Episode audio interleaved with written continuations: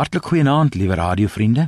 Die Gees wat ons op die genadewerk van God Drie-enig wys, laat ons ook onsself as sondaars ontdek en die vergifnis van sonde omhels.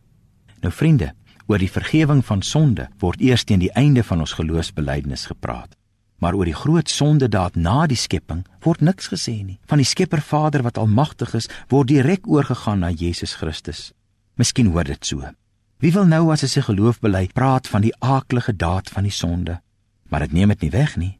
Tussen die eerste en die tweede geloofsartikel staan die werklikheid van die sonde. Ons sonde is 'n onverklaarbare, verskriklike werklikheid. Dis onlogies, dwaas, sleg en die vrugte daarvan sonder uitsondering bitter. Dit kom na ons toe met die masker van vreugde, van gemeenskap, maar die ware wese daarvan is smart en eensaamheid. Sonde laat hom nie maklik vasvat in woorde en formules nie. Mense kan maar tot vervelings toe vra, is dit sonde? Is dat sonde? Maar sonde, laat hom nie sommer so definieer nie. As mense probeer om definisies af te dwing en hulle sê om wyn te drink is sonde, dan word hulle met die nagmaal en met die Bybel. En sê hulle ag om wyn te drink is niks nie, wat van nog enetjie? Dan vang die sonde hulle met die wyn en maak hulle sy slawe.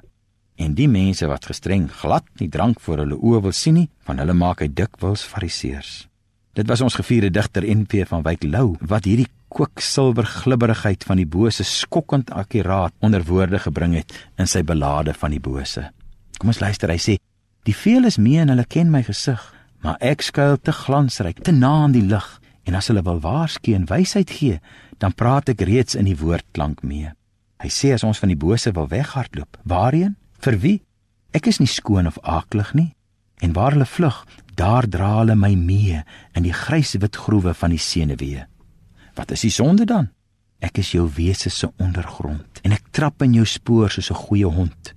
O waar sal jy gaan met watter skip? Die aarde is branding en oral is klip. Of as jy wil vlug uit die stad wat brand, dan vlug ek saam soos 'n vrou aan jou hand. Vriende, ons moet nooit die sonde geringskat nie.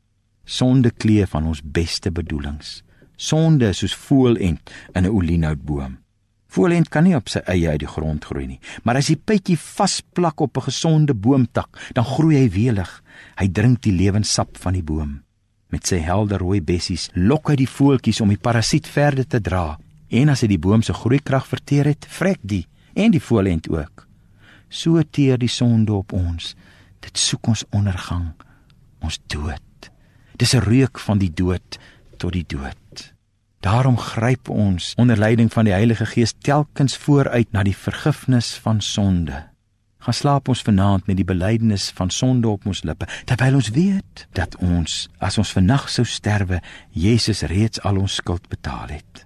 Bid daarom saam met my Here, dankie dat die sondaar rustig mag slaap, omdat ek weet dat hy al my skuld betaal het.